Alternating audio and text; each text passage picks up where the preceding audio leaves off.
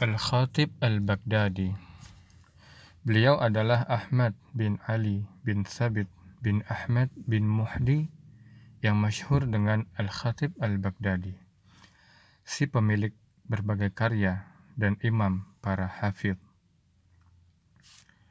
Beliau dilahirkan pada hari Kamis, 25 Jumadil Akhir, 392 Hijriah. Ayah beliau bernama Abul Hasan Khatib adalah penduduk Darzijan, yaitu sebuah desa di negeri Irak. Beliau adalah seorang yang ahli baca Al-Quran dengan bacaan Hafiz Al-Kattani. Ayahnya mendorongnya untuk belajar hadis dan fikih. Oleh karenanya, ia sudah belajar ketika umurnya menginjak 11 tahun. Ia pergi menuntut ilmu di Basrah pada saat umurnya menginjak 20 tahun. Kemudian pergi ke Naisabur pada saat umurnya 23 tahun dan pergi ke Syam pada saat umurnya sudah tua. Ia juga pergi ke kota Mekah dan kota selainnya yang telah disebutkan di atas. Ia telah menulis banyak kitab. Dalam hal ini, ia telah melebihi teman-temannya ia menyusun dan mengarang, menetapkan yang sahih dan yang tidak sahih, menetapkan perawi yang adil dan yang tidak adil, dan menulis sejarah dan penjelasannya. Sehingga ia menjadi al-hafidh yang paling tinggi pada masanya.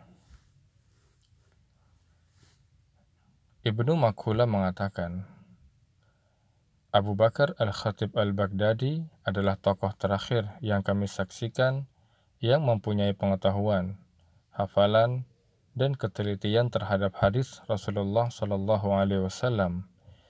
Ia sangat menguasai masalah ilat-ilat hadis atau kesalahan-kesalahan yang samar. Menguasai juga sanat-sanatnya, sahih dan qoribnya, dan segala yang berkaitan dengannya.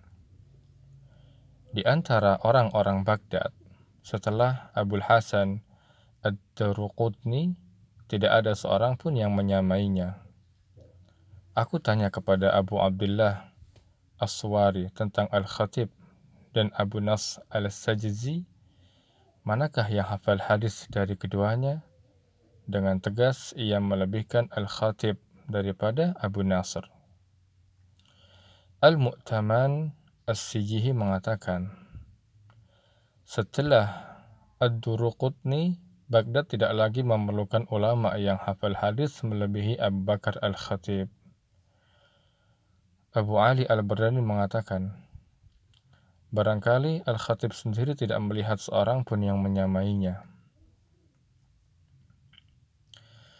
Telah disebutkan perkataan Ad-Dahabi bahwa Al-Khatib mulai belajar pada saat umurnya menginjak 11 tahun.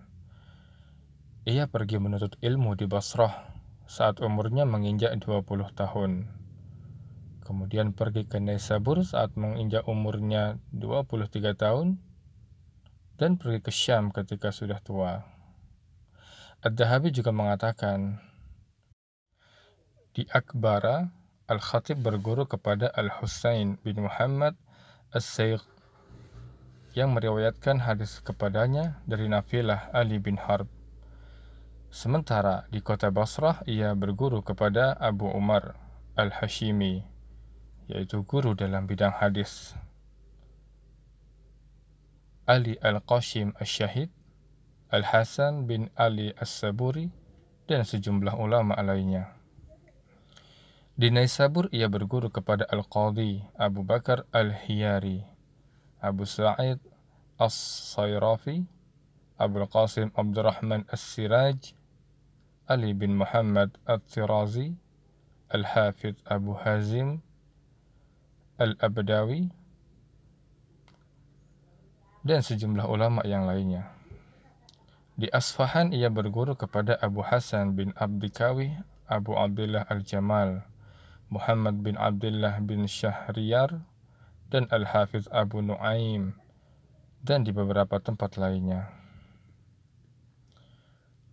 Ad-Dahabi mengatakan, Abdul Aziz bin Ahmad Al-Katsani berkata, pada tahun 412 Hijriah, ia meriwayatkan hadis kepada gurunya yang bernama Abu Al-Qasim Ubaidullah Al-Ashari. Gurunya yang lain yaitu Al-Barakani juga menulis dan meriwayatkan hadis darinya. Dalam ilmu fikih, ia berguru kepada Abu At-Tayyib At-Tabari dan Abu Nasr bin As-Sabaq. Dalam bidang akidah, ia mengikuti akidah Abu Hasan al-Ash'ari. Az-Zahabi mengatakan, apa yang dikatakan oleh Ahmad al-Qatsani adalah benar. Karena mengenai sifat-sifat Allah Ta'ala Al-Khatib sendiri telah menegaskan bahwa sifat-sifat tersebut telah kita pahami sebagaimana apa adanya, tanpa menanyakan bagaimana. Tidak diragukan lagi bahwa ini adalah madhab al-Ash'ari yang ia yakini sampai meninggalnya. Sebagaimana juga madhab Imam Ahmad dan semua ulama dalam berbagai masa. Ghais bin Ali mengatakan, Abu al-Faraj al-Isfarayani mengatakan kepadaku, Al-Khatib pernah haji bersama kami. Setiap hari dia menghatamkan Al-Quran dengan bacaan tartil. Setelah menghatamkannya, orang-orang berkumpul padanya. Sementara ia berada dalam kendaraan dan mereka berkata, Riwayatkanlah hadis kepada kami. Lalu ia meriwayatkan hadis kepada mereka. Ibnu Nasir mengatakan, Abu Zakaria At-Tabrizi Al-Lughawi berkata, Aku memasuki Damaskus, lalu aku membaca kitab-kitab sastra Arab di bawah bimbingan Al-Khatib di dalam masjid. Lalu naiklah Al-Khatib kepadaku, ia berkata, Aku ingin mengunjungimu di rumahmu. Kami berbincang-bincang sesaat, kemudian ia mengeluarkan secari kertas dan berkata, Hadiah adalah sunnah. Al-Khatib pergi dan aku mengamati pemberiannya itu Ternyata itu adalah uang senilai 5 dinar Mesir. Pada waktu yang lain, ia kembali ke atas dan meletakkan uang yang sama. Apabila ia membaca hadis di Masjid Jami' Damaskus, maka suaranya terdengar sampai di akhir masjid. Dia membacanya dengan dialek Arab yang benar. Wafatnya beliau. Maki Ar-Ramli mengatakan, Al-Khatib sakit pada pertengahan bulan Ramadan 463 Hijriah. Kondisi kesehatannya semakin parah pada awal bulan Dhul Hijjah hingga beliau meninggal pada tanggal 7 Dhul Hijjah.